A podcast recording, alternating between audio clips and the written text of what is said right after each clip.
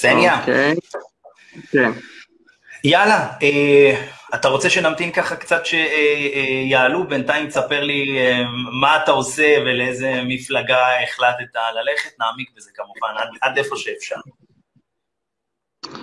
אה, הלכתי למפלגת ימינה אה, בבחירות האלה כקמפיינר.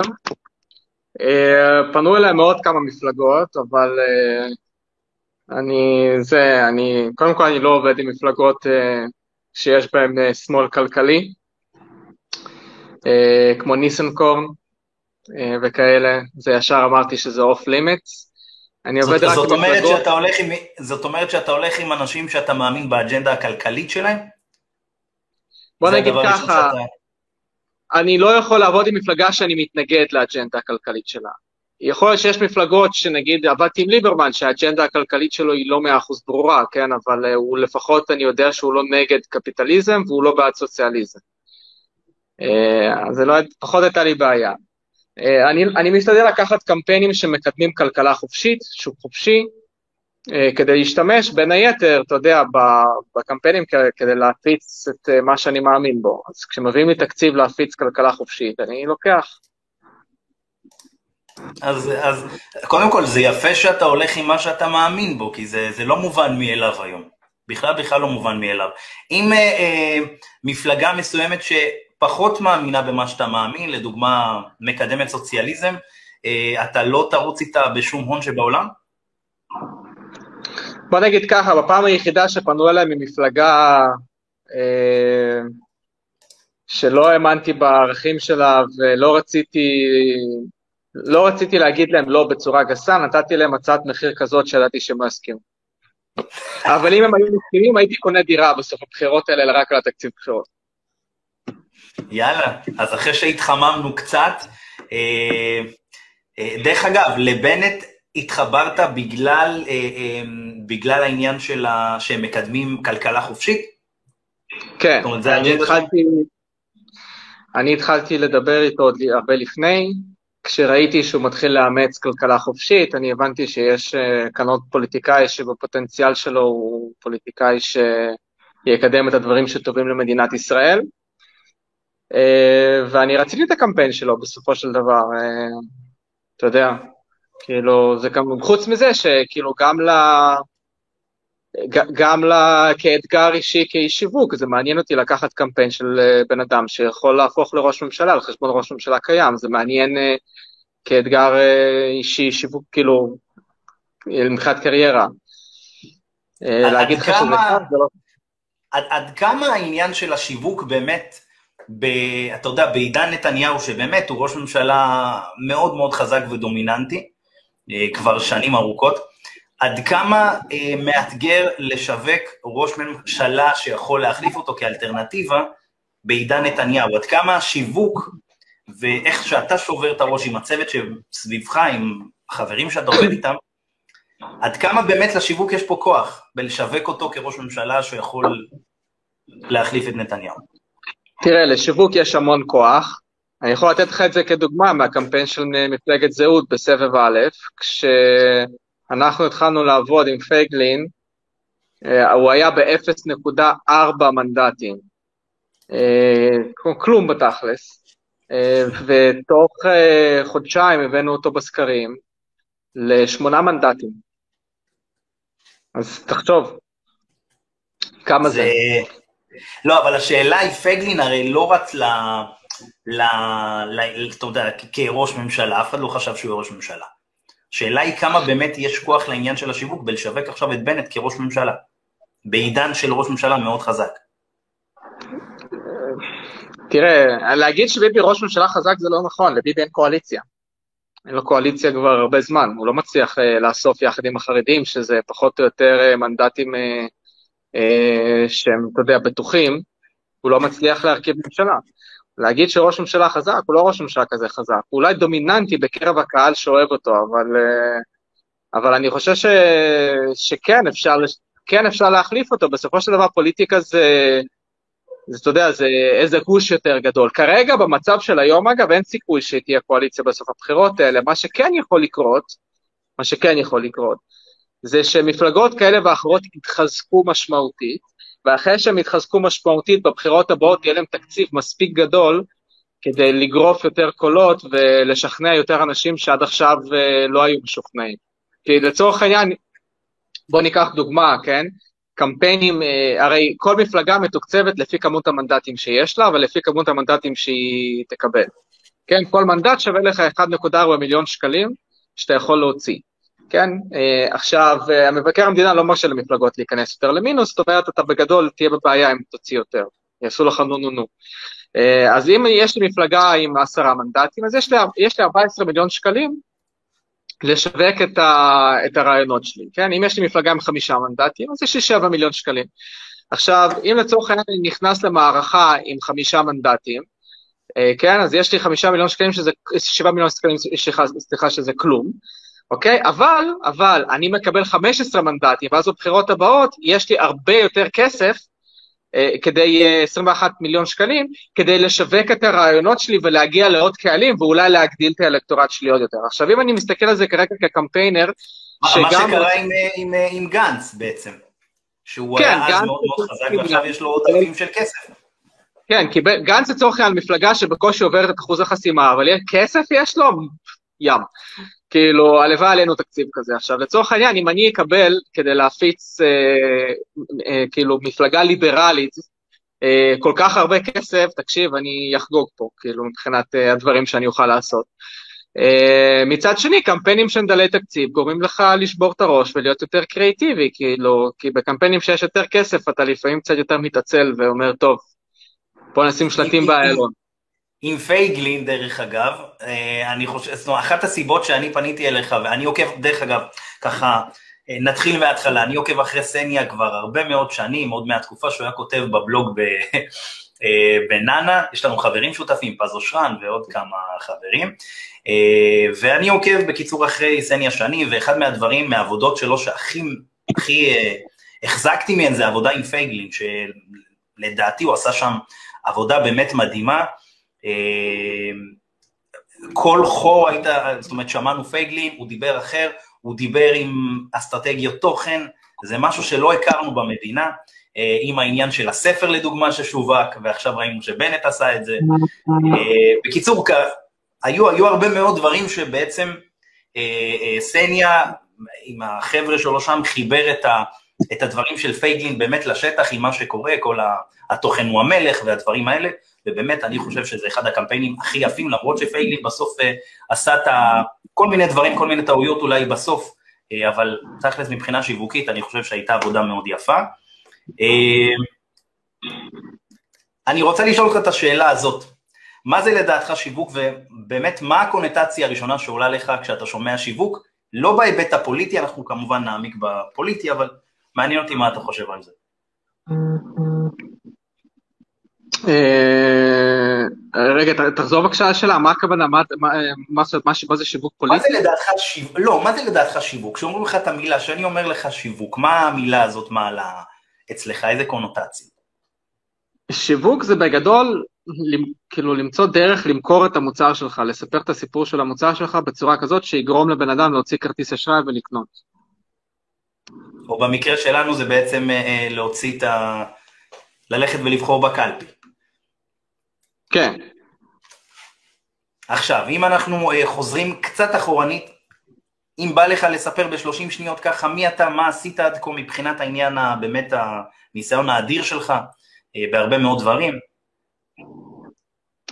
Uh, אתה מדבר על, שנייה עוד פעם, אתה מדבר על שיווק בכללי או עכשיו פוליטיקה? לא, באופן כללי, חשוב לי, אתה יודע, שגם אנשים שכרגע צופים בך שלא יודעים מי זה סניה, יכירו ככה ממש ב-20-30 שניות. Uh, טוב, אז התחלתי את הדרך שלי מזה שהייתי הבלוגר הכי פופולרי בישראל.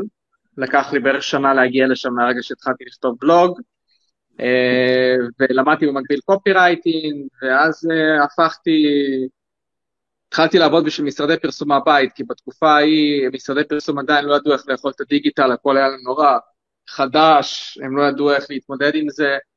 ואני לא רציתי להיות שכיר במשרד פרסום, אז הייתי עושה עבודות מהבית עבור אה, משרדי פרסום גדולים, עבדתי עם מותגים מאוד גדולים באופן מפתיע, דווקא אז כשהיה לי חוסר ניסיון מוחלט, עשיתי עבודות לבנק דיסקונט, לאומי, לדלק, לפז, ועבדתי מכאן אריקסון וישותי BWA, אבל הכל מהבית. אחר כך פתחתי חברת הפקות, ואז uh, במקביל גם סטארט-אפ. ככה נכנסתי לעולם היזמות, היום יש גם סטארט-אפ. אגב, נכון, הציעו לנו כן, הציעו לנו 20 מיליון דולר עליו לפני כמה ימים. מדהים, uh, מדהים. סיפור השראה. סיפור השראה, אני עוקב אחריך, אמרתי לך כבר שנים על, עוד שהיית כותב את הסיפורים אז, ונשבר לך הלב, ושכל מיני כאלה, הייתי כל כך נהנה מזה, היינו ילדים. כן, כן, כן. וזהו, ואחר כך אה, החלטתי, אחרי, אחרי שהסטארט-אפ הראשון שלי נכשל, וכאילו יצאתי, עזבתי את השותף שלי, שהשותף שלי גם בסטארט-אפ וגם בחברת הפקות, התחלתי להתעסק באיך, כאילו, בלהיות האיש שיווק הכי טוב שאני יכול, אה, איך לגרום לבן אדם להוציא כרטיס אחד. התחלתי ממש ללמוד כל דבר על שיווק שאני יכול, ברמה שאני עד היום קונה מלא קורסים על שיווק, אה, לפעמים לא לומד מהם שום דבר חדש, אבל חוזר על החומר. אני יכול לתת לך איזה נקודה מהירה אחת שיכולה לשנות לך הרבה דברים. מה? אני אומר, זאת אומרת, זה כמו ספר, אתה יכול לקרוא איזה שורה מסוימת שאתה יודע, תשנה לך את ה... תשכלל לך ותשפצר לך את התפיסה הקודמת שהייתה לך. כן, ו... וזהו, זה מה שאני עושה היום, אני עושה היום שיווק, עבדתי עם כמה מפלגות, עשיתי כמה מהקמפיינים הכי מדוברים uh, שהיו בישראל, uh, גם ויראליים וגם, uh, גם, uh, אתה יודע, פוליטיים, הקמפיין של פייגלין לצורך העניין, אחר כך, אחר כך באתי עם ליברמן בסבב ב', בסבב ג' נחתי, אבל לפני זה גם עשיתי את הקמפיין של אלי נחת באשדוד, שכולם דיברו עליו, והפרצוף שלי היה בכל העיתונים אחרי שעשינו את הקמפיין עם החרדי בסלון. נכון. זה לא מה... אגב, אני, אני בכלל לא הייתי אמור לשחק בסרטון הזה, הסיבה שאני שיחקתי בסרטון הזה כי השחקן הראשי לא, לא הוא, הוא בא לזמן קצר מדי ואמרתי אני לא אספיק, אז פה כבר אני, עדיף שאני אשחק.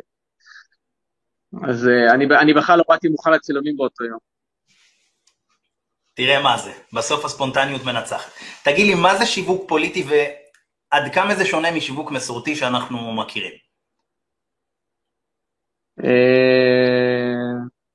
כמה זה... זה כל כך שונה משיווק רגיל? שיווק פוליטי שונה משיווק רגיל. כי שיווק פוליטי, יש לך בעיה מאוד מאוד גדולה אה, של סטטיסטיקה. למה? כי בשיווק רגיל, אם אתה עכשיו מתחיל לשווק משהו, אתה באותו יום רואה תוצאות, אתה רואה לידים, אתה רואה מכירות, אתה רואה כסף נכנס. בשיווק פוליטי, אתה, יש לך יום אחד, שביום הזה אתה נבחן. אתה כאילו צריך להוציא כמה שיותר אנשים מהבית, ואתה צריך שכמה שיותר אנשים ילכו להצביע. ולכן הרבה פוליטיקאים גם משחקים על העצלנות הזאת, ועל מצד שני גם על מוטיבציה להוציא את הבוחרים שלהם יותר מהבית. ברגע שאישרו בארצות הברית את ההצבעה בדואר, לצורך העניין, אני ישר כתבתי שטראמפ הולך להפסיד את הבחירות האלה. למה? כי אחת הבעיות של הדמוקרטים מול טראמפ הייתה שהם לא מספיק מלהיבים והם לא מספיק מצליחים להוציא אנשים מהבית לעומת טראמפ, וזה אחת הסיבות שהוא ניצח את הילרי קלינטון. אבל ברגע שיש משבר כלכלי ויש משבר במדינה ואתה מאפשר לאנשים להצביע בכל יום מתי שהם רוצים, פשוט ללכת לדואר ולהצביע, אה, זה לא טוב למועמד שנמצא בראש המדינה, לא משנה כאילו, אם זה טראמפ, קלינטון, כאילו זה, לא, כל מי שהיה בראש המדינה באותו רגע סובל מזה. לכן ברגע שאישרו את ההצבעות בדואר זה קצת שינה את חוקי המשחק, בגלל זה אמרתי שטראמפ הולך להפסיד. ואגב, בבחירות הקודמות, הרבה לפני הבחירות, כאילו חצי שנה לפני הבחירות, אני רגע, למה, למה לפי דעתך? זה ברח לי? טראמפ הולך לנצח. אה, מתקשרים אליי תוך כדי. כן. אז, אה, אז זהו, אז פה יש לנו יום אחד. אם עכשיו היה לנו את האופציה לצורך העניין להוציא אנשים מהבית להצביע בדואר בכל יום, אז הייתי אומר לך שהמצב הוא הרבה יותר טוב בשבילי, בשביל, במקרה הזה לקמפיין הכלכלי. כי לאנשים יש נטייה פחות להצביע עדיין אה, מבחינה כלכלית בישראל, אני, וזה לאט לאט משתנה לטובה. אה, אז, אה, אז זהו. אז זה, בעצם זה מה ששונה מהשיווק המסורתי. כן. למה אני שומע אותך פתאום חלש? מה קרה? שומע אותי חלש. רגע. אה, עברת לי למיקרופון של הזה, כי מישהו התקשר אליי. כן, רגע. לא יודע איך להחזיר את זה. אתה שומע אותי? אני שומע אותך, כן. יפה. אה, שאלה אחרת זה, במה שונה מערכת הבחירות הנוכחית ברמה השיווקית מה, מהמערכות הקודמות? חווינו uh, כבר מערכת רביעית בשנתיים האחרונות. במה, במה, במה, זה, במה שונה? במה זה מתבטא? תקציבים אה, יותר במה זה שונה? מה, מה עובד? במה זה שונה? אני לא חושב שזה שונה יותר מדי, כאילו, מהבחיר, אולי זה שונה מלפני, מה ש, ממה שהיה לפני ארבע שנים, אני אגיד לך למה. אה, סליחה, לפני חמש, כמעט שש שנים כבר. אה, אני אגיד לך למה זה שונה ממה שהיה אז, אבל זה לא כזה שונה מהקמפיינים האחרונים. מה שקרה אז, לפני הרבה שנים, זה שהתקשורת המסורתית, חדשות, עיתונים, כל אלה שלטו במדיה. היום יש לנו פייסבוק, זאת אומרת, הקשר עם הבוחר נהיה הרבה הרבה הרבה יותר uh, חם. וכשאנחנו התחלנו עם הקמפיין של פייגלין, אני זיהיתי את זה ואמרתי ש... אנחנו צריכים לעשות קמפיין של תוכן, וממש לתת סרטונים שמסבירים לעומק מה אנחנו הולכים לעשות ולשנות, כי הציבור מוכן להקשיב לזה. זאת אומרת, לא יותר סרטונים של דקה בטלוויזיה, אלא ממש סרטונים של חצי שעה, עשרים דקות שמסבירים. ואלו דברים שהיום נכנסו לשיווק, שפעם הם לא היו. הם היו הרבה פחות פופולריים, כי אנשים, אה, היה להם פחות קשב, היה להם פחות דרך, כאילו, אתה יודע, הם, הם לא הם כאילו אין קשר ישיר מולך, הם אה, רואים את זה בחדשות או רואים את זה בטלוויזיה. והיום היכולת של פוליטיקאי, של כל מועמד, לשלוט על מה שאומרים עליו, היא הרבה יותר גבוהה, כי יש לו טוויטר ויש לו פייסבוק, והוא לא צריך את החדשות, הוא לא צריך את הטובה של נוני מוזס ושל אה, אלוביץ' ושל אף אחד אחר. בקטע הזה זה מאפשר להרבה פוליטיקאים לצמוח מאפס בלי ספונסרים, שזה בעיניי מדהים. כן, כן, אבל כרגע אתה, אתה, כרגע מדבר, אתה כרגע מדבר על השינוי שחל באופן כללי במגע של הפוליטיקאי לבוחר, בגישה אליו. אני מדבר על, על המערכת הבחירות הנוכחית ברמה השיווקית ומה היא שונה מהשלוש מערכות הקודמות. זאת אומרת, היום פוליטיקאי צריך להשקיע יותר כסף לדוגמה בשביל אה, שאנשים ישמעו שהקשב ירד, אני חושב. אני לא בטוח שהקשב ירד. אה, בגלל אולי כן, הקורונה, שאנשים כבר נמאס להם. ו... דווקא לא יורד, זה סך הרגישות שלנו. אנחנו כבר יותר מדי, אתה יודע, רגילים למסרים, אז אתה צריך כל פעם אה, למצוא דרך אחרת לפנות. אבל אנשים כן רוצים לשפר את החיים שלהם. בסופו של דבר, שום דבר לא משתנה עד כדי כך בהתנהגות האנושית. לכולם יש נקודות כאב, לכולם, לכולם יש את הדברים שהם רוצים, ואם אתה יודע לפנות אליהם בצורה הנכונה, אז אתה תקבל את הקולות האלה. למה, למה יש אנשים שמוכנים להצביע לירון זליכה, למרות שבעיניי הבן אדם הזה הוא אסון כלכלי, כאילו? אה, כי אהרון זליכה העלה הרצאות ארוכות על כלכלה, שבהן הוא לוחץ לאנשים על נקודות כאב בצורה מאוד מיומנת, כן, הוא איש מכירות מדהים, אין מה להגיד, ואנשים אומרים, כן, זה נכון, וזה וזה, הטייקונים הם ככה ו- וככה, ו- והם מאמינים לו, תשמע, אה, למרות שבתכלס הוא די משקר, כן? הוא ממציא, ממציא תיאוריות כלכליות לא קיימות, ואתה יודע... זה, זה, זה כבר ללייב אחר, זה כבר ללייב אחר להיכנס, אני יותר כן, מעניין אותי הרמה השיווקית. אבל תראה, אנשים מקשיבים לו. אני אגיד? אה, לא, אבל השאלה היא, עוד פעם, אם, אם אתה מרגיש, רגע שנייה, סניה נעלם לנו, עוד רגע הוא יעלה. חברים, אם יש לכם שאלות, אתם יכולים לרשום פה למטה ונשתדל לענות לכולכם.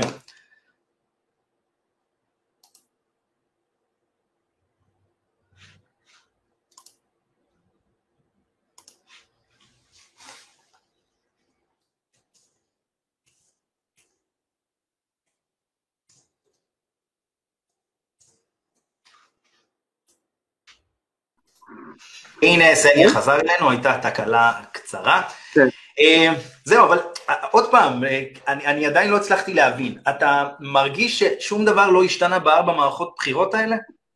זאת אומרת, מבחינת תקציבים שצריך יותר, הקשב נשאר אותו דבר, או אולי שהקשב לא... בעצם עלה בגלל ה... מה שאנשים מרגישים, אתה יודע, כל הסגרים וכל הבאסה מהשלטון. תראה, הדבר היחיד שהשתנה זה המסרים. הקשב, אני לא מרגיש שיש שינוי כזה גדול.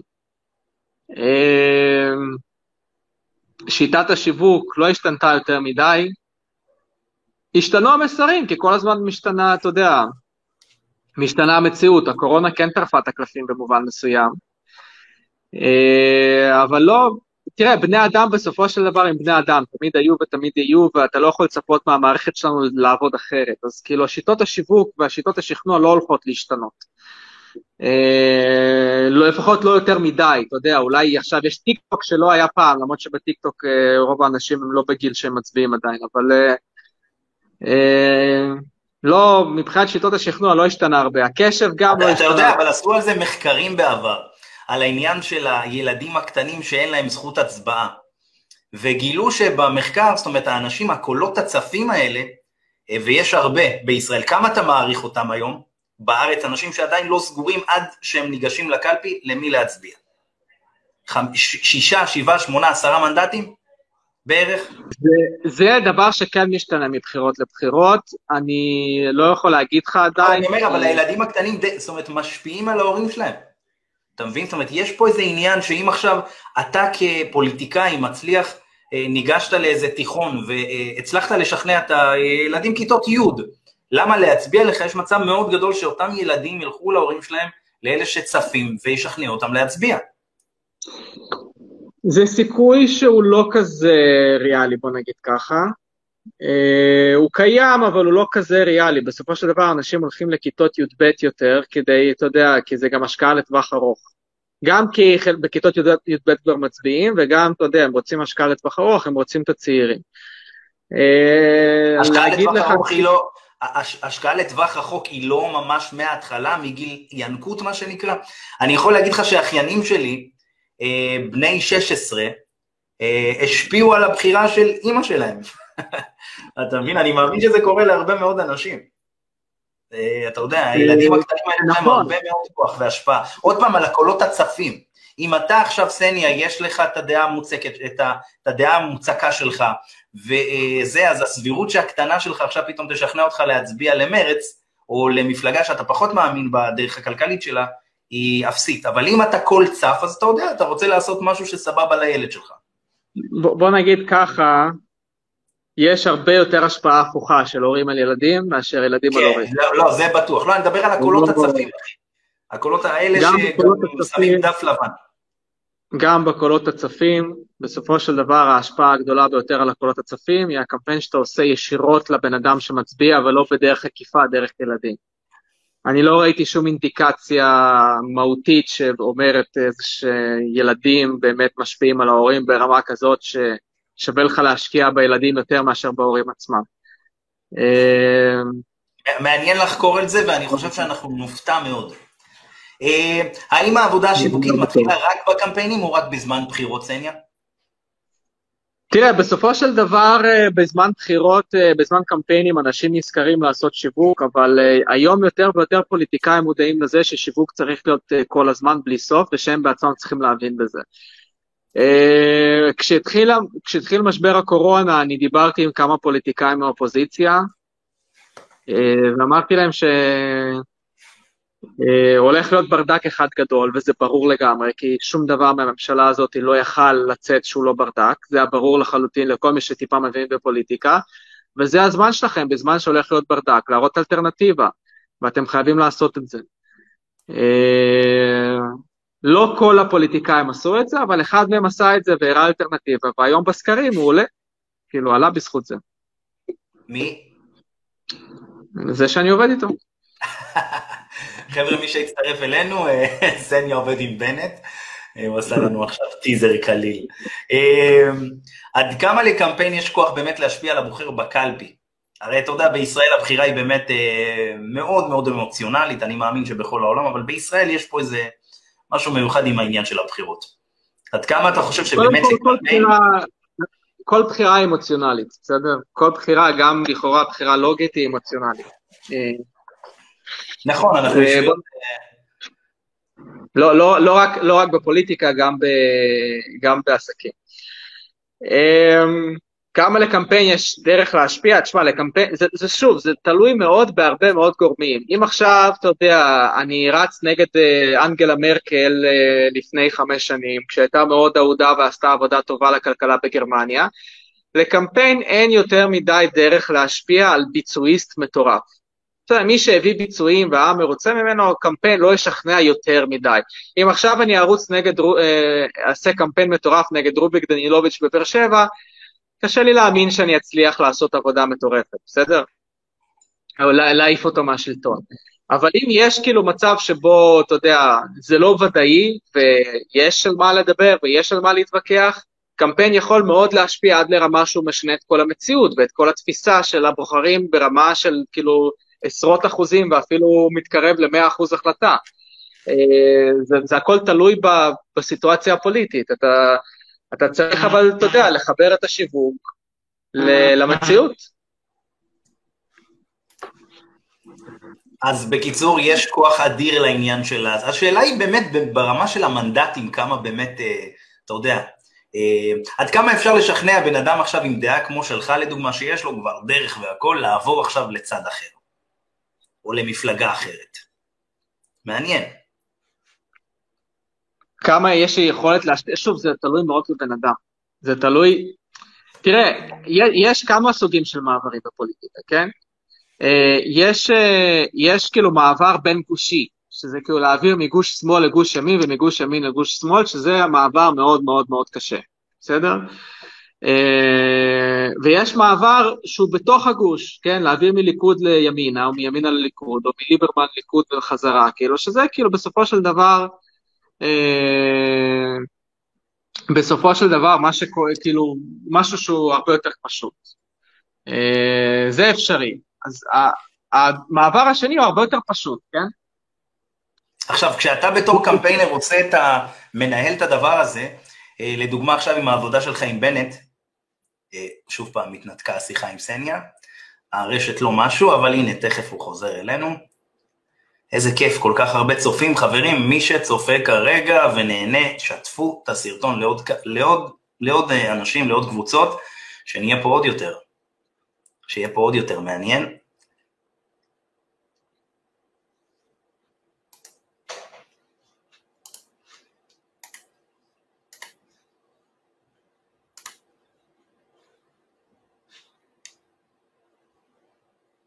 היי, סורי, חזרתי. סניה, מה? סניה שוב פעם נעלם, יש שם בעיות בתקשורת. אחרי השידור הזה אני שולח לך ראוטר מתנה ממני. לא, זה לא הבעיה בראוטר, תקשיב, התקינו לי איזה אנטיווירוס על המחשב, שעכשיו אני לא יכול להיכנס למחשב ואני, ואני צריך אותו בשביל הקמפיין, אני צריך לכתוב דברים, אתה יודע. אוי אוי אוי אוי אוי אוי, מעניין.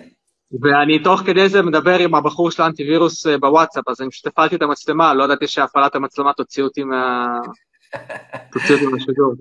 אמ, איך זה שיש רשתות חברתיות משפיע על הקמפיין ברמת האסטרטגיה?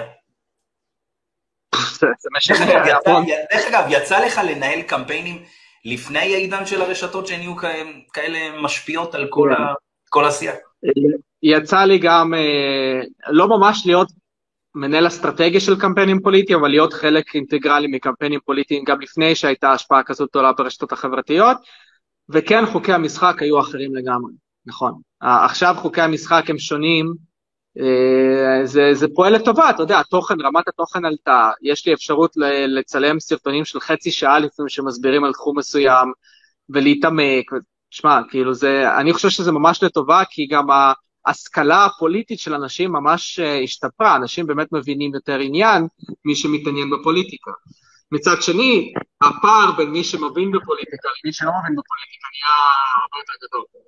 אני חושב ש... אני חושב ש...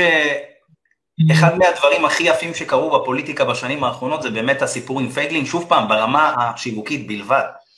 אה, באמת איך שלקחתם את, ה, את התורה מעולם העסקים של אה, באמת אה, התוכן הוא המלך והבאתם את זה לפוליטיקה בצורה מדהימה, ומפייגלין אנחנו רואים באמת שינוי בדיבור של איך לדברר את התוכן הזה החוצה ואיך, ואיך, ואיך לכבד את האינטליגנציה של הבוחר, כמו שאתה אומר, סרטונים של 20 דקות, חצי שעה, שאתה ממש יושב ומסביר.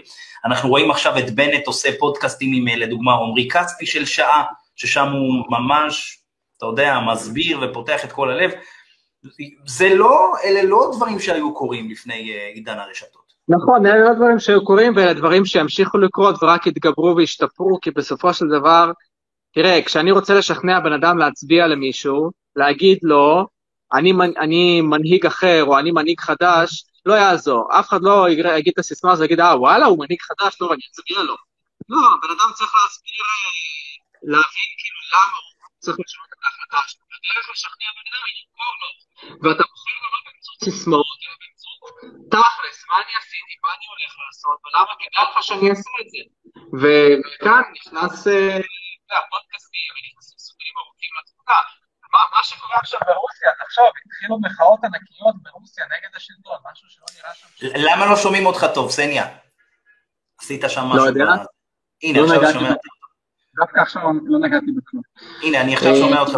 כן, אז מה קרה ברוסיה עם המחאות של הבחור מהאופוזיציה, שבעצם אה, נכנס כן, עכשיו וחצי שנים?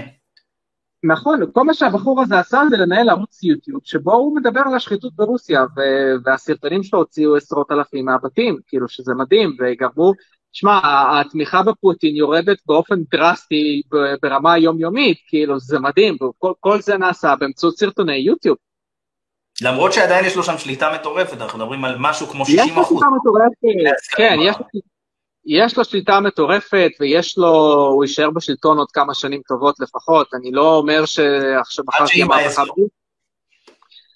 או עד שיעיפו אותו מהשלטון, אתה לא יודע מה יקרה שם, אבל אני לא אומר שבימים הקרובים או אפילו בשנים הקרובות פוטין יעוף מהשלטון, זה תהליך שהרוסים צריכים להתבשל איתו. אבל תחשוב שכל זה קרה בגלל סרטונים מיוטיוב, כאילו, זה מדהים. עכשיו, כשאתה יושב עם, אה, עם פוליטיקאי או מפלגה מסוימת, יו"ר מפלגה, אתה מסביר לו איך להתנהל בפייסבוק אה, אה, בהתאם לאסטרטגיה שאתה בונה, שהצוות שלך בונה, ש... אה, אתה אומר לו גם- מעכשיו, ראש ממשלת ישראל אז היה שמעון פרס, בממשלת הרוטציה, הממשלה 21. יצחק שמיר החליף אותו לאחר שנתיים כראש ממשלה, ש... אה, אה, אה, שמיר החליף אותו ב-20 לעשירי, שבוע אחרי שנולדת, דרך אגב, ומי היה מאמין, הם החזיקו קדנציה מלאה של ארבע שנים מלאות. זה נראה היום כמו איזה משהו שהוא הזוי. ארבע שנים מלאות, אתה מאמין שיש ממשלה שתחזיק ארבע שנים בתקופה המטורפת הזאת עם הרשתות החברתיות וכל אחד שאומר מה שהוא חושב? נחזיק ארבע שנים? הרשתות החברתיות זה לא הבעיה. יש בעיה אחרת בפוליטיקה הישראלית. הבעיה הזאת היא, היא שיש לנו סיטואציה שבה אין לאף גוש 61 מנדטים. ולמה זה קורה? כי בגדול יש לנו גוש אחד שהוא לכאורה די גדול, שזה הגוש החילוני-מרכזי כזה, שזה ליכוד, מה ההבדל בין ליכוד לכחול לבן בתכלס, כאילו? אין, הרבה הבדל. שזה ליכוד, גדעון סער, נפתלי בנט, שבלי סמוטריץ' הוא הרבה יותר לכיוון מרכז אה, וליברמן וזה, אתה תמצא ביניהם הבדלים מאוד קטנים, או לפיד. ומה הבעיה? הם לא מסתדרים ברמה האישית. יש לך את נתניהו ויש לך את כל השאר. נתניהו הוא לא אהוד על ידי שאר הפוליטיקאים, מהסיבה שהוא לא נותן לאף אחד לעבוד, הוא לא אוהב שאנשים מצליחים תחתיו, והוא לא אוהב בכללי שאנשים אחרים עובדים תחתיו ולא ממושמעים לו. אה, והוא עושה הכל כדי לטרפד, זה האיש, ולכן הם לא מסתדרים איתו ברמה האישית. אז תסתכל, הרי גם ליברמן, גם כחלון, גם אריק שרון, גם נפתלי בנט, גם משה פייגלין, כולם היו בליכוד ועזבו את הליכוד בגלל ביבי. הכל, זה הכל אה, סכסוך אישי, ולכן אין לך קואליציה. אה, אין קואליציה, מה לעשות? אז גם היא לא תהיה בזמן הקרוב, הסיכוי היחיד זה שהם יסתדרו עם הליכוד, כמו שקרה בגלל המשבר, וזהו. אני מקווה מאוד שנחזיק באמת איזה, משהו כמו 30 שנה אין אה, קדנציה מלאה במדינת ישראל, וזה לא, די עצוב, למה? כי בסופו של דבר... אה? מ-2015 מ-2015 עד עכשיו דווקא הייתה קדנציה מלאה. כן, אבל בתוך זה יש הרבה מאוד מערכות אה, בחירות. לא. לא. התחילה, נהייתה מערכת בחירות. אה, הייתה- כאילו, סליחה, הייתה קדנציה כמעט מלאה, בסוף אה, בסוף אה, הפילו אותה, אבל זה היה ממש לקראת הסוף, כאילו, כשזה היה באמת לא לא ארבע שנים. מלאות, כן, לא היה כבר הרבה מאוד אה, זמן. אה, אתה זוכר את התקופה הזאת, אז, זאת אומרת, בתקופה הזאת, בשנת 85-86 הייתה אינפלציה של 400 אחוז. כן, בוא- בוא היה בוא. שוק, הייתה נפילה בשוק ההון, נכון. מה מה זה זוכר את התקופה הזאת? אני לא נולדתי בה. כן. בוא תראה את הדבר מעניין, בוא נראה אם אני אצליח לשתף את זה, זה יהיה מאוד מעניין לראות את זה. אה, רגע.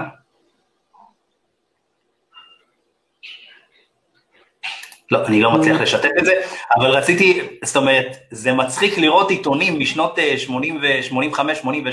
שלדוגמה בתחילת 85 עיתונים עלו 800 שקל, אתה קולט? לפני השקל החדש.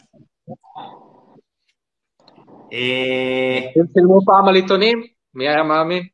כן, 800 שקל דרך אגב על העיתון, ובסוף, ובתחילת 86, שכבר היה את ה... אה, אחרי שהם עשו בעצם את התוכנית אה, העיצוב הכלכלית, העיתון ירד לשקל 80. זה מעניין לראות עיתון ב-4,500 שקל, 1,800, זה מצחיק לראות את זה. אני אעלה את זה לאחר מכן יותר מאוחר לפייסבוק, זה מצחיק ממש לראות את זה. ומה, למה אני בעצם נוגע בזה?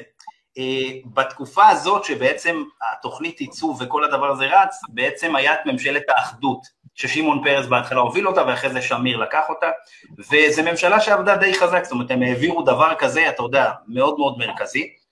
מי שהתחיל, ה, מי שהתחיל להוביל את המהלך בתור שר אוצר זה יצחק מודעי, סבבה?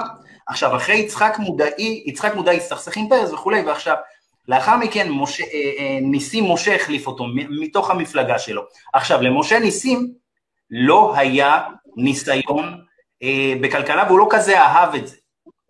אבל בכל אופן הוא הוביל את הדברים בצורה מאוד מאוד מאוד טובה ועשה הרבה מאוד דברים, כמו אה, אה, מכסים שהוא ביטל, אה, כל מיני מיסים, הורדת אה, מס חברות ועוד כל מיני דברים כאלה. עכשיו השאלה היא, האם שר חייב להיות מקצועי בתיק שהוא מקבל, או עדיף שהאדם לא. יהיה מספיק עם... אני אצטט רגע את יאיר לפיד, שר אוצר, שר אוצר הוא לא אדם שצריך להיות כלכלן. למרות שהוא אמר משהו אחר לגמרי כשזה השתלם. אני אגיד לך מה, פוליטיקאי צריך להיות פוליטיקאי. כי שר מקצועי, בוא, בוא נצא מנקודת הנחה שעכשיו אני, לא יודע, ראש ממשלה, ואני ממנה שר אוצר מקצועי, כן? לקחתי איזה כלכלן, שכולם אוהבים, וכאילו, ומסכימים שהוא איש מקצוע ראוי, ואני שם אותו שר אוצר. ואז הכלכלן הזה צריך ללכת ולהעביר חוק שהוא, אתה יודע, מש... מזיז את הכוח מנקודה אחת במדינה לנקודה אחרת, לצורך העניין לפרק ועדים ולטובת העצמאים. ואז מה שיקרה זה שהוועדים שהם מאוד מאוד חזקים בכנסת ילכו וייכנסו באמא שלו.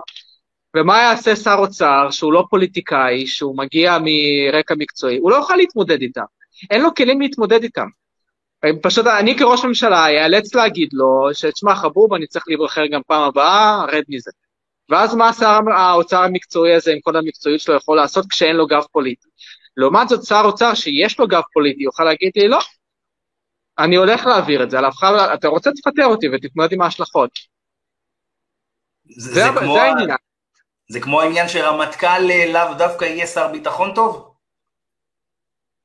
אה, נכון, רמטכ"ל לאו דווקא יהיה שר ביטחון טוב, למרות ששר ביטחון זה ספציפית תפקיד שהוא דווקא לרמטכ"ל הוא פחות בעייתי, כי גם רמטכ"ל זה תפקיד הרבה יותר פוליטי ממה שזה נדמה לאנשים, בסדר? אה, דווקא שר ביטחון רמטכ"ל זה מין אה, סוג של משהו קצת יוצא דופן, כי גם רמטכ"ל לא באמת מקבל שום החלטה לבד, יש, אתה יודע, יש את ה... אה, יש את הקבינט הביטחוני, אז אתה יודע, אז, אז אם הוא יישב בקבינט הביטחוני על רקע, על תפקיד שר ביטחון ולא רמטכ"ל, לא ישתנה הרבה. כאילו, אבל זה מקרה. אני גם בדעה שלך, אני לא חושב שצריך להיות אה, אה, איש מקצוע מסוים בשביל להוביל... אה, אה, דרך אגב, ליצמן היה אחד מהשרים הכי אטרקטיביים ב, אה, במשרד הבריאות בתחילת שנת 2011-2012, שהוא רק נכנס לשם. אחד מהכי אה, יעילים, שלי יחימוביץ' אפילו אמרה את זה עליו. אני חייב לציין שאתה די צודק, אפילו שליצמן אה, לפעמים אומר שטויות על רקע מדעי, כשר אה, בריאות הוא היה בסדר. הוא היה מאוד, כן, בתקופתו היו כל מיני דברים טובים. מי לפי דעתך עושה עכשיו עבודה מצוינת ברשתות החברתיות, עבודה שמתורגמת למנדטים בקלפי, כמובן על פי הסקרים? ביבי. עכשיו, אני לא אובייקטיבי לגבי הקמפיין של בנט, אני חושב שגם בנט עושה, שוב, אני לא, אני לא אובייקטיבי, obviously, אני חושב שאנחנו עושים עבודה לא רעה, אה, אבל אה, בוא, בוא נצא, בוא אני לא אתייחס לקמפיין שלי לצורך העניין, אני אתייחס לקמפיינים של אחרים, אני חושב שביבי עושה עבודה מצוינת, אה, אני לא ראיתי עוד מישהו שעושה עבודה כל כך טובה. תשמע, יש פוליטיקאים שעושים עבודה טובה בלעשות רעש, כן? למשל מרב מיכאלי עושה אחלה רעש. האם זה מתורגם למנדטים? לא, בדיוק הפוך. לא כל רעש אוכל. במקרה של מרב מיכאלי היא שיווקה, אם כבר מדברים על שיווק, היא שיווקה את הרעיון שלה מאוד יפה, והנה, היא כבר הגיעה לפי דעתי לשמונה מנדטים בסקרים.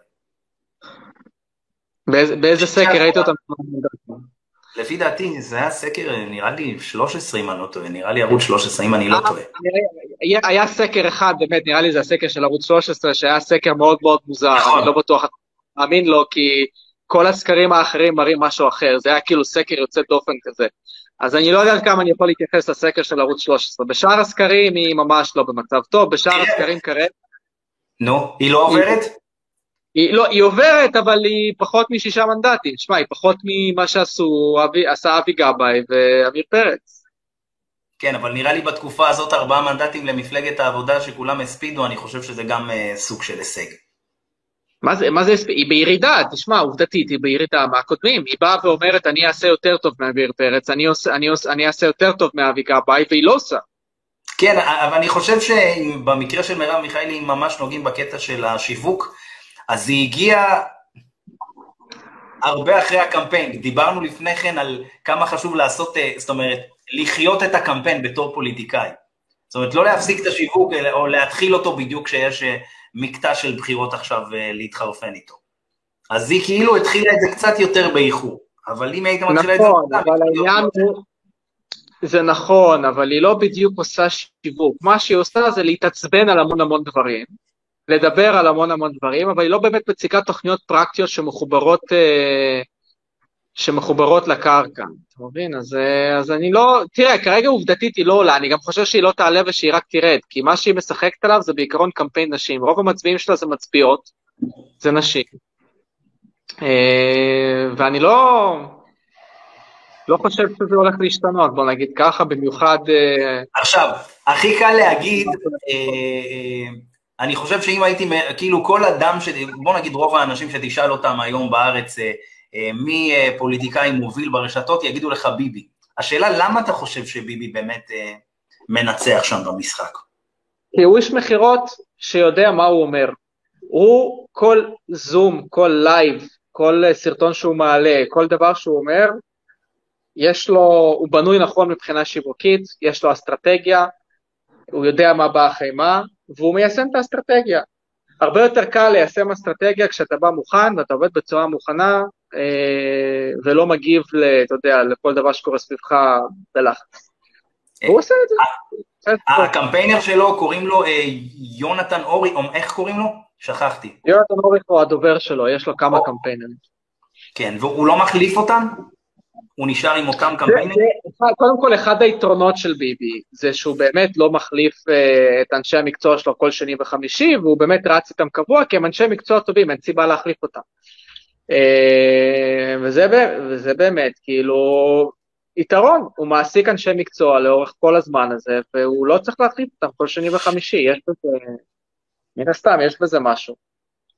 עכשיו, עד כמה ההשפעה של הפוליטיקאי אה, זאת אומרת, איזה השפעה גדולה יותר, הפוליטיקאי על הקמפיינר או הקמפיינר על הפוליטיקאי? בטח שהפוליטיקאי על הקמפיינר, אה, לא שאלה בכלל. זאת אומרת, הפוליטיקאי מחליט מה הטון ואיך זה... זה... עזוב, גם הקמפיינר צריך uh, לעבוד עם משהו, אני לא יכול לבוא ולעבוד עם מרב מיכאלי ולהגיד, טוב, אני הולכת להיות כלכלה חופשית ואני הולכת uh, אה, לא, כאילו, להיכנס אה, כמו ארסית לכנסת ולהילחם כמו סתיו שפיר למשל, שהייתה יותר כזאת צעקנית. יש, אה, אתה יודע, לכל פוליטיקאי יש את האופי שלו, אני לא יכול לבוא ולהפוך את אה, יריב לוין לאיילת שקד, ו... או את אביר קארה לזה, ליאיר גולן, זה לא עובד ככה, אני צריך להתמודד עם, ה... עם הבן אדם. קח לדוגמה את uh, גנץ. עד כמה אתה חושב הוא השפיע יותר על הקמפיינרים מאשר הקמפיינרים עליו? תשמע, לגבי גנץ אני לא יודע.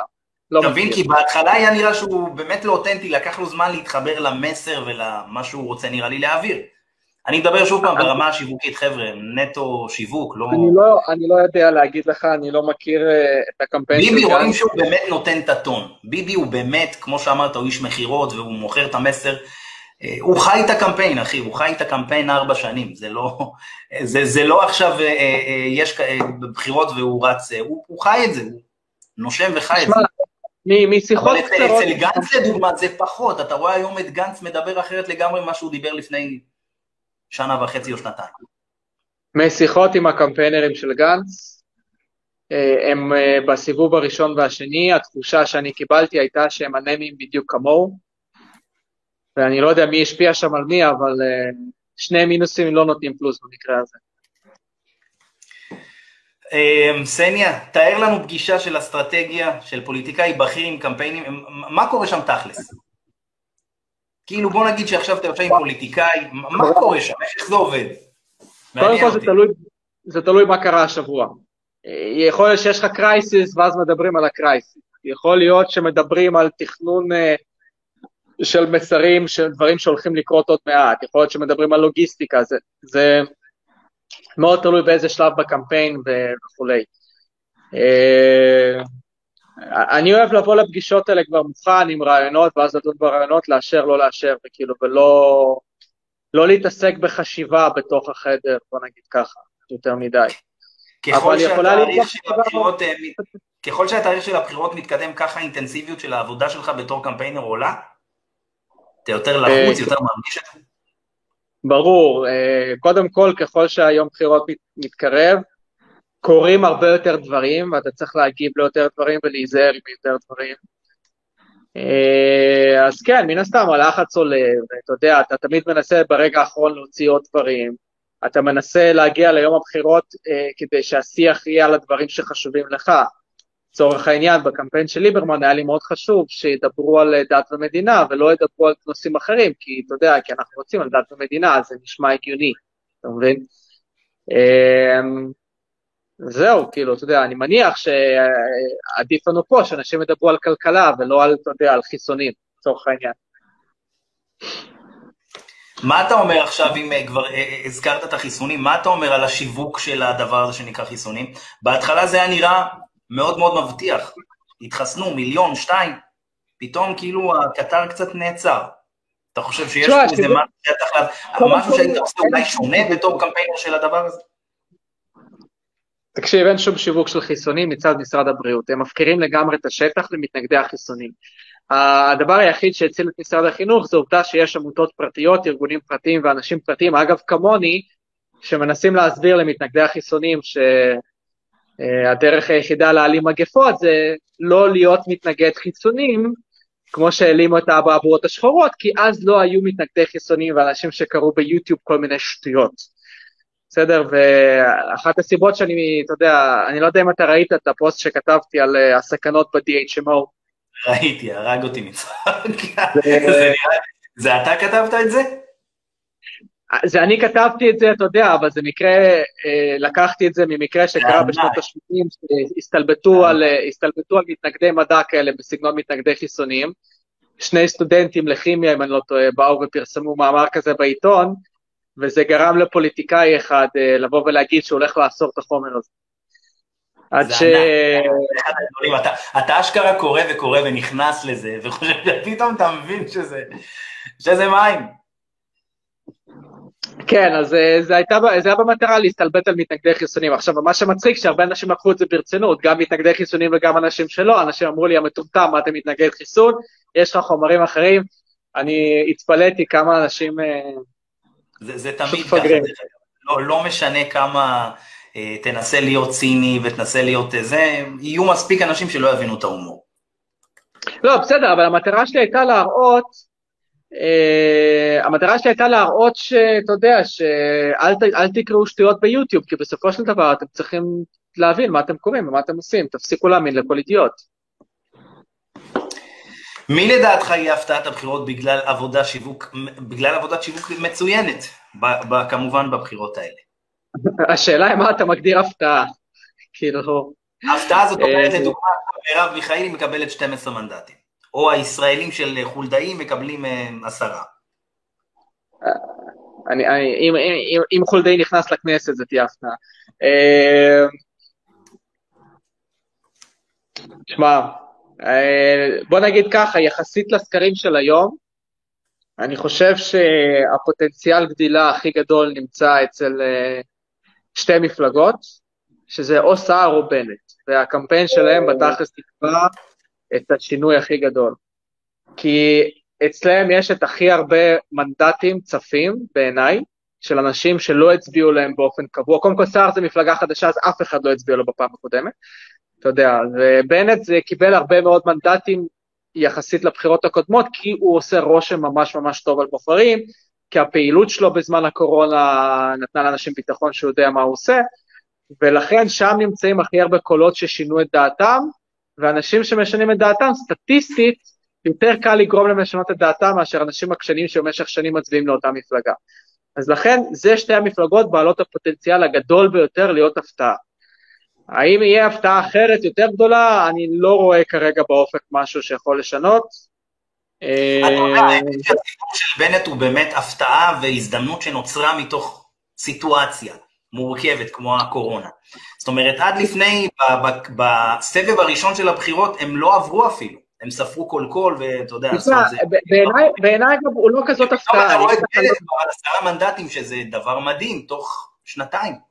תשמע, אני לא חושב שזאת הפתעה בנט, אני אגיד לך למה. כי בסופו של דבר הדעות של בנט, אם אתה תשאל בן אדם אקראי ברחוב בישראל על הדעות של בנט, בלי להגיד לו שזה בנט, בלי לקחת את הדעות הקדומות, תגיד ככה, ככה, ככה וככה, האם אנחנו רוצים לעשות את זה ואת זה ואת זה, ואתה תגיד לו, רוב האנשים יגידו על הדעות של בנט בול, בול, בול מה שאני חושב.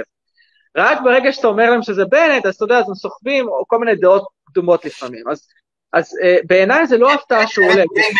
הוא מאוד, אה, הוא מאוד מרכז, הוא מאוד... אה, הוא, הוא כן ימין, אבל כאילו, אתה יודע, היום ההבדל בין, בין גנץ לבנט, לביבי, לליברמן, הוא צריך במיקרוסקופ להסתכל על ההבדלים האלה, כאילו, בתכלס. Uh, הרי בנט בסופו של דבר, אתה יודע, הבעיה אצל בנט הייתה כל השנים האלה בעיניי uh, סמוטריץ'. הוא, הוא באמת בן אדם קצת יותר קיצוני והוא לא כיוון הדת, אבל סמוטריץ' לא, לא בימינה יותר, הוא לא חלק מבנט, ולכן בנט עכשיו... אז אתה אומר ששיווקית, סמוטריץ' לא היה חיבור טוב לבנט, שיווקית. בעיניי, ממש לא.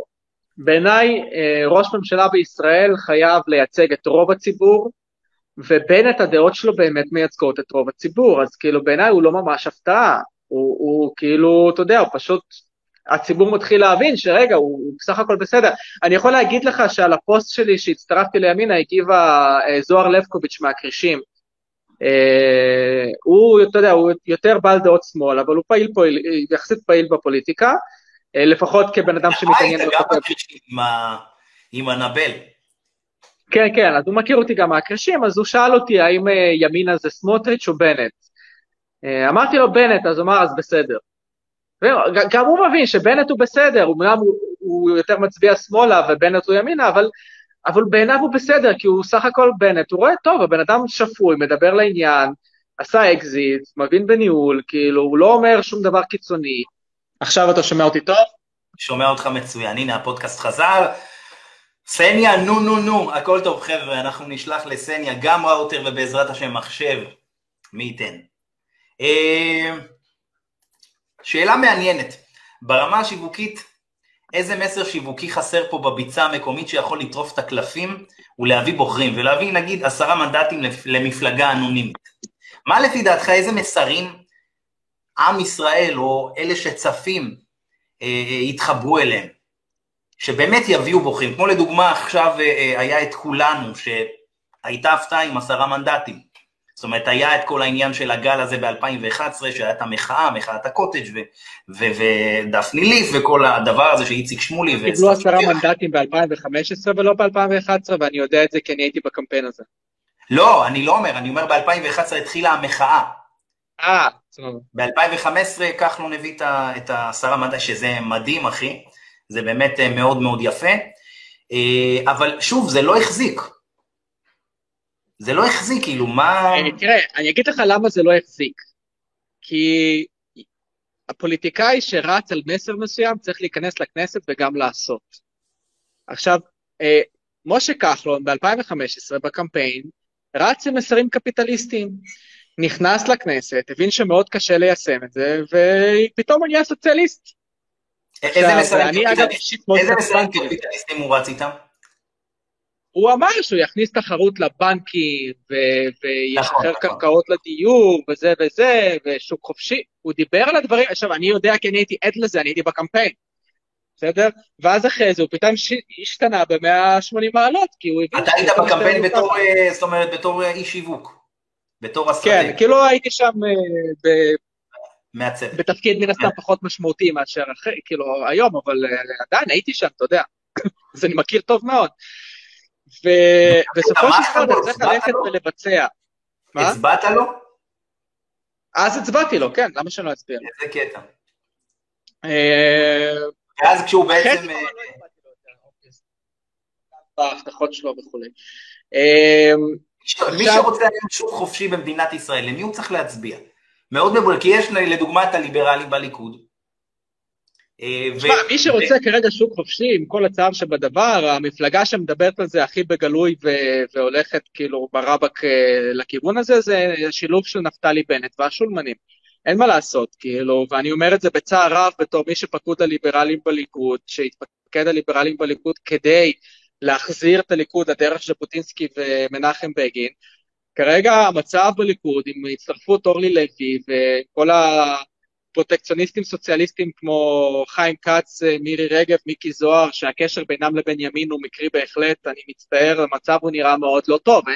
אני לא יכול, לא יכול לשקר לך, המצב באמת ממש ממש רע מהבחינה הזאת. אה, אתה יודע, הייתי מאוד רוצה שזה לא יהיה ככה, אבל זו המציאות. נכון, יש גם את שרן השכל, או השכל, איך היא נקראת בדיוק? שהיא... שרן השכל קידמה עברה את לגדעון סער, זה לא רלוונטי. אז זהו, אבל אני אומר, היא קידמה את התא הזה של הליברלים בעצם.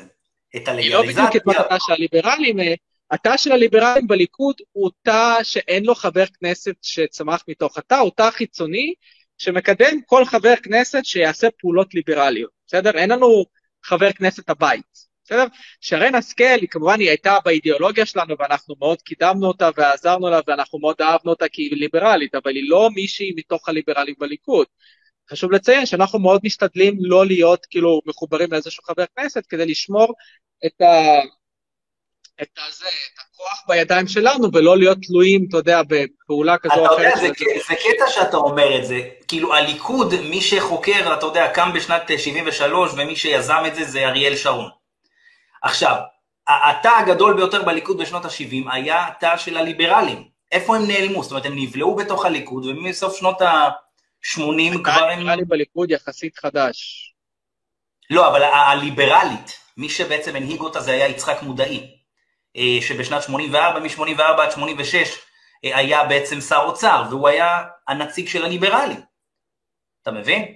עכשיו, אבל איפה הם נעלמו? זאת אומרת, בסוף שנות ה-80 הם התאחדו בתוך הליכוד, ומאז אתה לא שומע ליברלים. חוץ מ, אתה יודע, נגיד פייג, פייגלין שדיבר, וכי... במי בוחרים, בקיצור? מה, הציבור, שוב, הציבור לא, עד לפני שנתיים כשהתחיל הקמפיין של פייגלין, רוב הציבור לא ידע מה ההבדל בין סוציאליזם לקפיטליזם. הם באמת, הם לא ידעו. אנחנו היינו אומרים לאנשים אתה סוציאליסט או קפיטליסט, הם, הם היו אומרים אני סוציאליסט, כי הם לא היו מבינים מה זה. כשהיית מסביר להם מה ההבדל, הם אומרים אה לא לא אני בעצם קפיטליסט, אחרי שתי דקות. הם פשוט לא ידעו. אז אנחנו באנו ונתנו להם את ההשכלה של מה ההבדל, כאילו אחד הדברים שהקמפיין של פייגלין עשה, ועשינו את זה בהצלחה רבה ובזה אני מאוד גאה, זה חינכנו חלק גדול מהציבור בכלל להבין מה ההבדל. בסדר? כי אה, זה, זה הייתה בעיה מאוד קשה. אה, עכשיו לשאלתך איזה מסר שיווקי יכול לשנות את התמונה בישראל, אני חושב ששום מסר שיווקי לא יכול לשנות. מה שכן יכול לשנות זה השכלת הציבור. אם אנחנו נכניס לציבור הבנה של אה, ההבנה העמוקה יותר של הפוליטיקה הישראלית, של מה שקורה, זה כן יכול לשנות את התמונה הפוליטית בישראל ב-180 מעלות, כל עוד הציבור באמת יבין מה קורה פה. כרגע לא, הציבור... בוא, בוא נגיד שאני אדם אנונימי, בוא נגיד שאני אדם אנונימי, אני לא גדעון סער, שהיה, ב, אה, שהיה בליכוד הרבה מאוד שנים, אני לא רמטכ"ל, אני לא גנץ, אני לא איש צבא, אתה יודע, אדם רגיל מן השורה, מגיע ורוצה לטרוף את הקלפים בבחירות. איזה מסרים היום חסרים בשביל לדחוף אג'נדה שתביא לי שמונה עשרה מנדטים? אולי באמת העניין של הליברלים, כי בעבר היה להם כוח משמעותי. שמע, זאת אומרת, יש פה 12 לא מנדטים אתה, אתה לא יכול היום עם מסר בלבד אה, לא, מסר אג'נדה, להצליח. בלי שיש לך מישהו שמוביל את המסר, שאנשים סומכים עליו, אה, ומישהו שהוא ביצועיסט. לצורך העניין פנו אליי ממפלגה חדשה שקמה לא מזמן, גם מפלגת העצמאים, אה, וגם ניסו להצטרף לקמפיין שלהם, ואני אמרתי להם, תשמע, אמרתי להם את זה, אתה לא בגלל שאני מצטרף לבנט, אלא אמרתי להם את זה כאילו בשיא הכנות. אתם לא, אתם לא, אין לכם סיכוי להצליח אם אתם לא מביאים פנים מוכרות של בן אדם שאנשים סומכים עליו. תביאו את חיים רמון, תביאו את דובי פרנסיס מהקרישים, אבל תביאו לי פרצוף של בן אדם שאנשים סומכים עליו, כי אני יכול לרוץ עם המסרים שכל הציבור מתחבר עליו, אבל סליחה, מי אני? מי אני? למה שאנשים יאמינו לי או, אתה יודע, או יצביעו לי? אז, אז זה לא מספיק לבוא עם המסר, אתה צריך גם להראות הוכחת יכולת, ו, וזאת הבעיה, אז מסר לבד לא עוזר, צריך לחבר את המסר לבן אדם. לא, מסר עם אנשים אה, טובים, אבל שוב, המפלגה שלו הייתה קיימת, זו, זו הכוונה. זאת אומרת, הוא יכול להיות איש עסקים. אה, טוב, בנט, האמת שלפני שהוא נכנס אה, בעצם לחיים, ה... זאת אומרת, לרוץ על ראשות הבית היהודי, אז, ב-2012, הוא עבד גם כמה שנים בליכוד, וזאת אומרת, הייתה לו פעילות פוליטית. אתה, אתה, השאלה שלך היא בעצם. אני אגיד לך ככה, השאלה שלך ברמה המקצועית נקראת איפה אתה מזהה ואקום פוליטי. ואקום בדיוק. פוליטי זה מקום שבו אתה רואה שיש ביקוש אבל אין היצע. לצורך העניין, לדוגמה, כולנו, כולנו מילה אז ואקום ב-2015. כן, וגדעון סער, בגלל שמישהו התקשר אליי עוד פעם, אני לא שומע אותך טוב, אז, אה, אז אה, כאילו, קח את זה בחשבון, תנסה לדבר כש, כשסיימתי, אחרת אני לא, לא אשמע. אה, גדעון סער זיהה ואקום פוליטי, הוא זיהה שאנשים לא סומכים על כחול לבן, לא סומכים על העבודה, והם רוצים רק לא ביבי, אבל לא שמאלני מדי. אז הוא הלך ופתח מפלגה משלו, ורק על עצם זה שהוא פתח מפלגה משלו, ועם כל הכבוד, מי זה גדעון סער? כאילו, מי? מה הוא עשה? והוא מקבל איזה 15 מנדטים על כלום, על זה שהוא זיהה ואקום פוליטי, ויכול להיות שאפילו יותר, יכול להיות שהוא יקבל 20.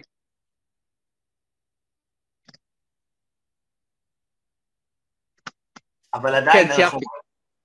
אני אומר, אני אומר, זה מעניין כי אתה רואה שגדעון סער באמת סוחף אחריו הרבה הרבה מאוד אנשים, זה יפה, אבל אפשר לזקוף את זה בזכות זה שהוא בעצם, היה לו פה אה, הרבה מאוד ניסיון פוליטי, אתה מבין? לא, אני לא אומר שאם מישהו מהרחוב היה מקים מפלגה אה, במקום גדעון סער זה היה מצליח, אני לא אומר את זה בכלל, צריך בן אדם שאנשים מכירים אה, כדמות פוליטית. אגב, אם, אבל, אם אקרשטיין היה עושה את אותו מהלך, הוא היה מצליח באותה מידה. אבל איזה מסרים לדעתך באמת יכולים להביא היום את, ה... את הקופה? אני בכוונה אומר משהו אנונימי, הוא לא חייב להיות אנונימי, אלא בשביל לנסות להבין איך הראש שלך, זאת אומרת, איך להכניס את הרעיונות האלה לתוך איזה קובייה כזאת, שאפשר להגיש אותה בסוף ולהגיד, חבר'ה, הקובייה הזאת שווה עשרה מנדטים. כמו שאמרנו, לדוגמה, ליברלים, אין להם כאילו, למי מצביעים? כן, נתתי לך דוגמה, גדעון סער רץ עם המסר, רק לא ביבי. רק לא ביבי מביא לו הרבה מנדטים. האם אתה שואל אותי אם יש מסר נוסף לא מנוצל כרגע? בעיניי לא. כאילו, אני כן, אני כן חושב שהקמפיין של בנט והשולמנים, עם אה, מסר של כלכלה ליברלית והופכים את מדינת ישראל לשוויץ או שוודיה, כאילו, למדינה הרבה יותר מוצלחת, יכולים להביא עוד מנדטים. אבל זה לא מסר ש... זה לא ילך בקלות כמו, אתה יודע, כמו לפתוח מפלגה ולהתחיל מ-day one עם 20 אה, מנדטים. זה עבודה מאוד קשה, זה עבודה של שכנוע. זה מסר שיכול לעבוד והוא יכול לשכנע, ואני מאמין שבסופו של דבר הוא גם שווה גם עוד 30 מנדטים. אבל יש בעיה אחרת. הבעיה היא שהרבה אנשים אומרים, אני מסכים עם המסר, אבל בלי שנחליף את נתניהו זה לא יקרה, ולכן אני אצביע רק לפיד, או רק גדעון סער, או, או לחילופין, אני מאמין שרק נתניהו יכול לעשות את זה, ולכן אני מסכים עם המסר, אבל אני הולך להצביע ביבי. אתה חושב שיש הבדל גדול מאוד בין המצביעים של אה, ביבי לבין אה, המצביעים של אה, אמ, סער? כן, אלה אוהבים את ביבי ואלה לא סובלים את ביבי. אבל אתה חושב אבל שזה אותו בית פוליטי? זאת אומרת, כן. הם חייבים להיות שמאלני ימצא את הבית שלו אצל סער? מה? שמאלני יכול למצוא את הבית שלו אצל סער? כי הבנתי גם לפי הסקרים, יש גם הרבה כאילו אנשים שהצביעו שמאל שמצביעים לו. מה, מה, בוא, בוא, בוא שנייה נחשוב, מה זה השמאל של היום? מרץ או עבודה זה שמאל. כחול לבן זה לא שמאל, כחול לבן זה מרכז. אני לא חושב שיש באמת שמאלנים שהם, אתה יודע, מרץ עבודה כאלה סוציאליסטים פציפיסטים, שבאמת הצביעו לגדעון סער. לא מאמין שיש כאלה. כאילו, אני מדבר על כמויות, זה שתמצא לי אחד, שתיים כאלה, בסדר. אתה יודע, כן. היו גם מרצניקים שהצביעו לפייגלין, אבל אה, זה, אתה יודע, זה לא מדבר על כמה עשרות או מאה מצביעים. מה אתה אוהב בעבודה שלך עם השיווק הפוליטי? כי נראה שאתה יודע, אתה מאוד, זה מאוד מרגש אותך, ונותן לך איזה, איזה תקופה כזאת מאוד אנרגטית עם הרבה מאוד תשוקה. אני שם לב שאתה כאילו משתנה בתקופות האלה לטובה. שמע, זה, זה סוג של טירונות. אה, זה כמו, כמו שאני, למשל, אם אני נתקל בקורס שיווק ממש מגניב של משהו שאני לא ידעתי, אני מת על זה, אתה יודע, פתאום אני מקשיב לזה, ואני הולך וחוקר את התחום הזה יותר לעומק, ואני קורא כל מאמר שאני יכול למצוא בגוגל על זה, אז אה, אה, ש... קמפיין פוליטי זה סוג של אותו דבר, כי אתה מקבל בזמן נורא קצר אה, משהו מאוד אינטנסיבי ומרתק בעיניי ברמה השיווקית, שאתה לומד ממנו המון, ומבחינתי זה סוג של השתלמות כזאת מגניבה, אני מאוד אוהב את זה בגלל זה. וגם, אתה יודע, אתה, אתה, אני מרגיש שאני עושה משהו טוב למדינה בסופו של דבר, אם אני עובד על קמפיין של מפלגה שאני מאמין בערכים שלה. Uh, אני באמת באמת מאמין שאם בנט והשולמנים הולכים לעשות את מה שהם אומרים למדינת ישראל, יהיה כאן פשוט באמת טוב. אני גם יכול להוכיח את זה, אתה יודע, עם מחקרים ו- ופשוט להסתכל על כלכלות של מדינות אחרות, כי מה ש... מה שאנחנו רוצים לעשות פה בקמפיין הזה זה פשוט להשוות כלכלות של מדינות מוצלחות לכלכלה הישראלית, זה לא איזה תורה מסיני. איזו, אה, איזו כלכלה אני מרגיש עושה משהו טוב למדינה. איזו כלכלה מבחינתך היא מודל? שכאילו אם אה, בנט עכשיו יעשה את זה לדוגמה, אתה תגיד וואלה, עשיתי משהו טוב למדינת ישראל מעבר להיותי איש שיווק נפלא. תשמע, ניו זילנד, סינגפור, טיוואן, הונג קונג, אה, אה, אה, שווייץ, כל הכלכלות הקפיטליסטיות ליברליות, לוקסמבורג,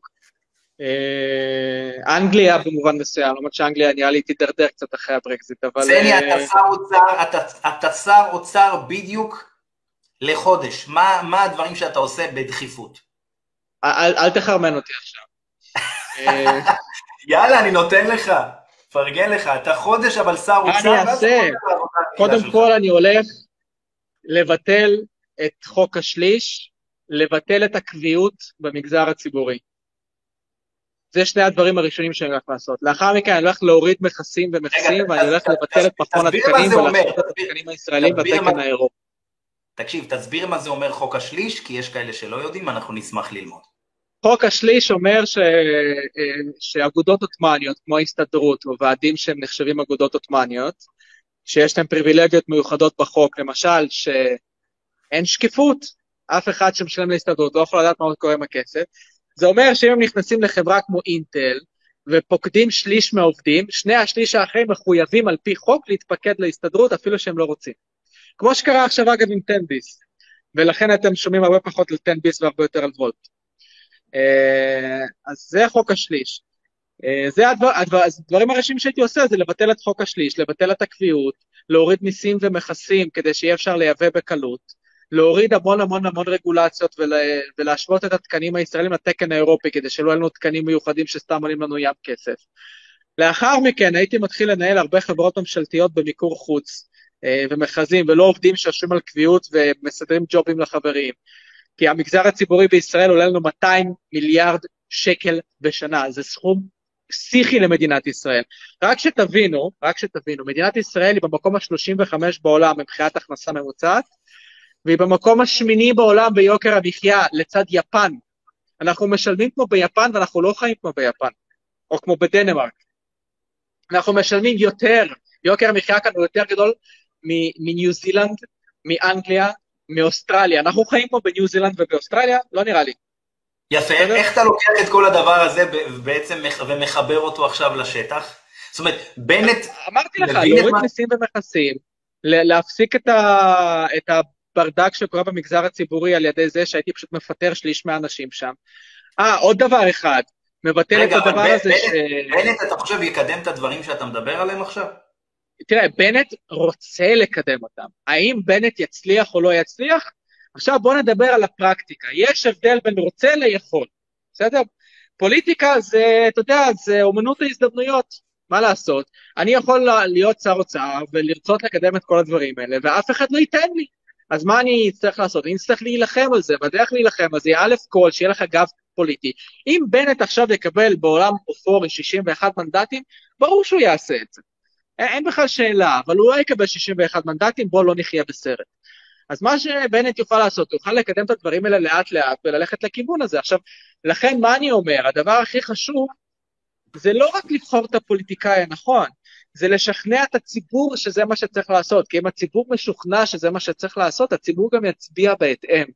ולכן אני מעדיף לקחת קמפיינים ליברליים כדי לקבל תקציב ולשכנע את הציבור שאנחנו צריכים כלכלה נבונה.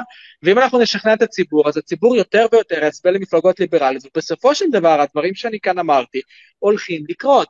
אבל זה לא מספיק להכניס פוליטיקאי עם ארבע מנדטים בכנסת ולהגיד, טוב, יאללה, בוא תשנה את המדינה. זה לא באמת... אבל אתה יודע, זה, זה לא, לא פשוט, לא פשוט לקדם את היוזמות האלה. אתה יודע, אם רואים את היוזמות באמת הגדולות שנעשו פה ב-40 שנה האחרונות, אם זה בין שנת 85-86, שבעצם עם יצחק מודעי, עם השקל לשקל חדש, אה, תוכנית העיצוב הכלכלית, ואז ביבי ב-2003, אנחנו רואים שזה שני אנשים שבעצם אה, אה, היו מהליכוד, שקידמו את הדברים האלה, ובסופו של דבר חטפו על הראש, אתה מבין? זה לא, זאת אומרת, אתה מקבל הרבה חצים. כשאתה בא לגעת בדבר הזה שנקרא... נכון, בגלל זה אני. לא פשוט. צריך לשווק את העבודה שלך לעם, אתה צריך למכור את מה שאתה עושה לעם. אה, אני חושב שהקהל יעד הוא הקהל הצעיר, שפשוט אין לו. אין לו. זאת אומרת, כל הצעירים היום שאין להם דירות, ואין להם... זה הקהל הכי אולטימטיבי לשוק החופשי. אה, כן, לא, בסדר, זה תראה, זה ברור, שה, ברור שהקמפיינים, ש...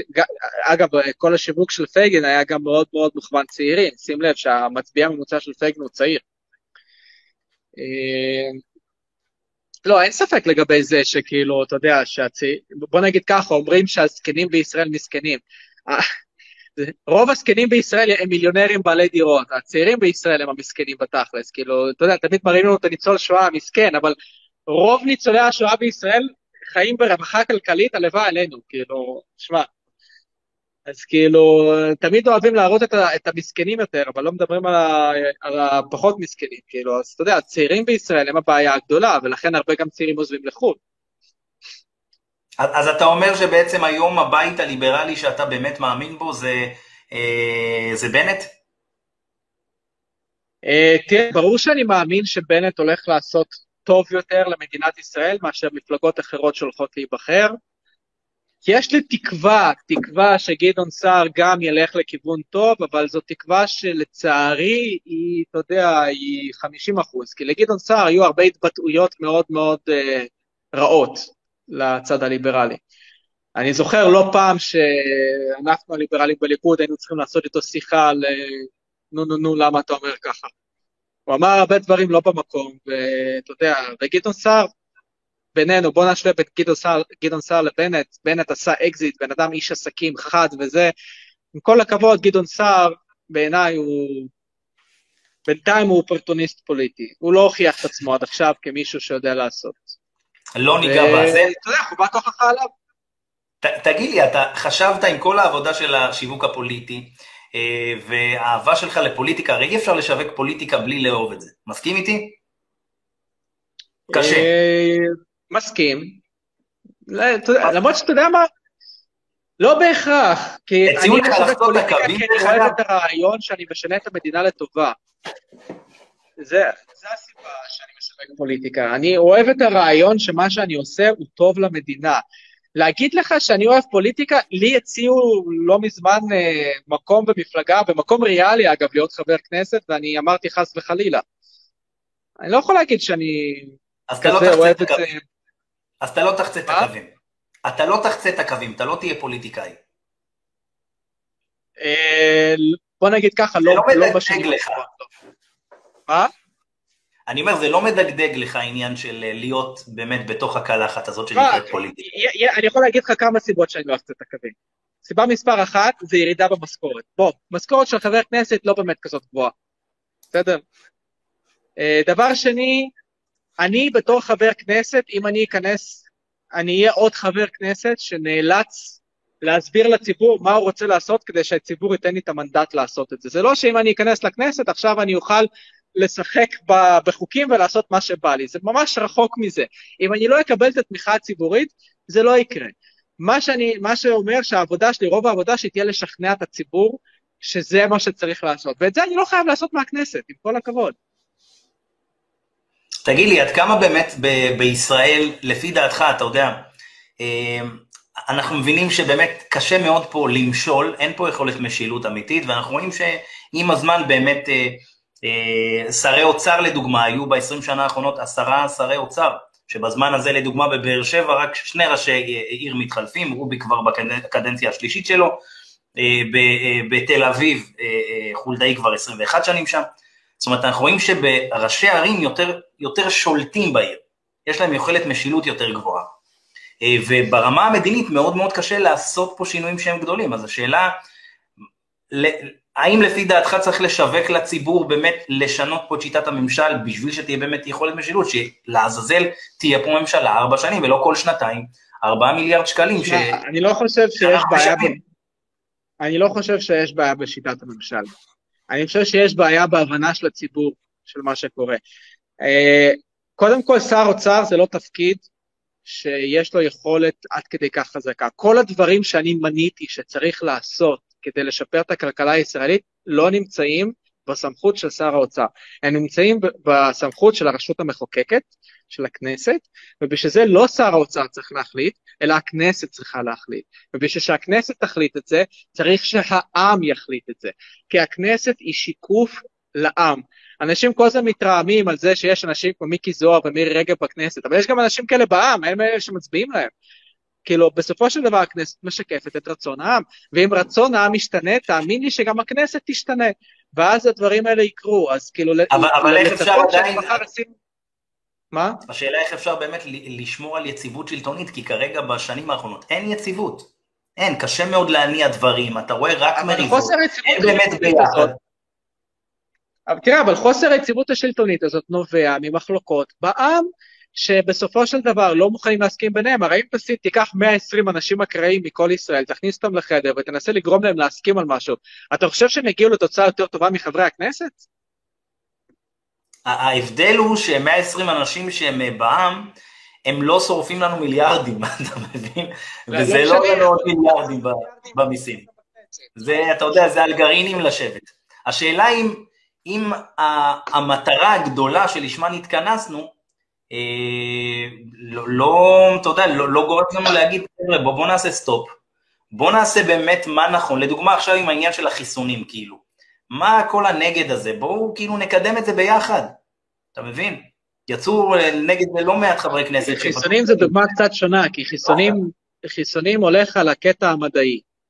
אה, ובסופו של דבר, תשמע, אני למדתי בכיתת מופת, אה, בבית ספר אה, שבח מופת, הייתי, הכיתה שלי בזמנו הייתה הכיתה הכי חזקה, בבית ספר הכי חזק בישראל, זכינו בפרס החינוך באותה שנה, אני למדתי עם, אה, עם נבחרת ישראל בפיזיקה ומתמטיקה באותה כיתה, גם אני השתתפתי באולימפיאדות, אז לי קל יחסית להבין מדע, אפילו שאני לא עשיתי תואר בתחום מדעי, אבל אני מבין ואני קורא, יודע, יודע לקרוא מחקרים, אני מבין עניין. רוב האנשים שמדברים על חיסונים, גם בעד וגם נגד אגב, הם, הם לא מבינים לא מבינים הרבה, אם בכלל. והם אומרים דברים שהם פשוט, הם פשוט שטויות, ו- ולאנשים קשה להודות בזה שהם אמרו שטויות, אז הם עוד יותר מתחפרים בעמדה ועוד יותר, יותר מתחילים אה, להמציא תירוצים, כאילו. אה, ואז כשאתה מסביר להם כמה הם טועים, אז האגו שלהם נכנס לפעולה ומתחילים להתווכח איתך על דברים שהם באמת לא מבינים בהם כלום, וזה, וזה מתסכל.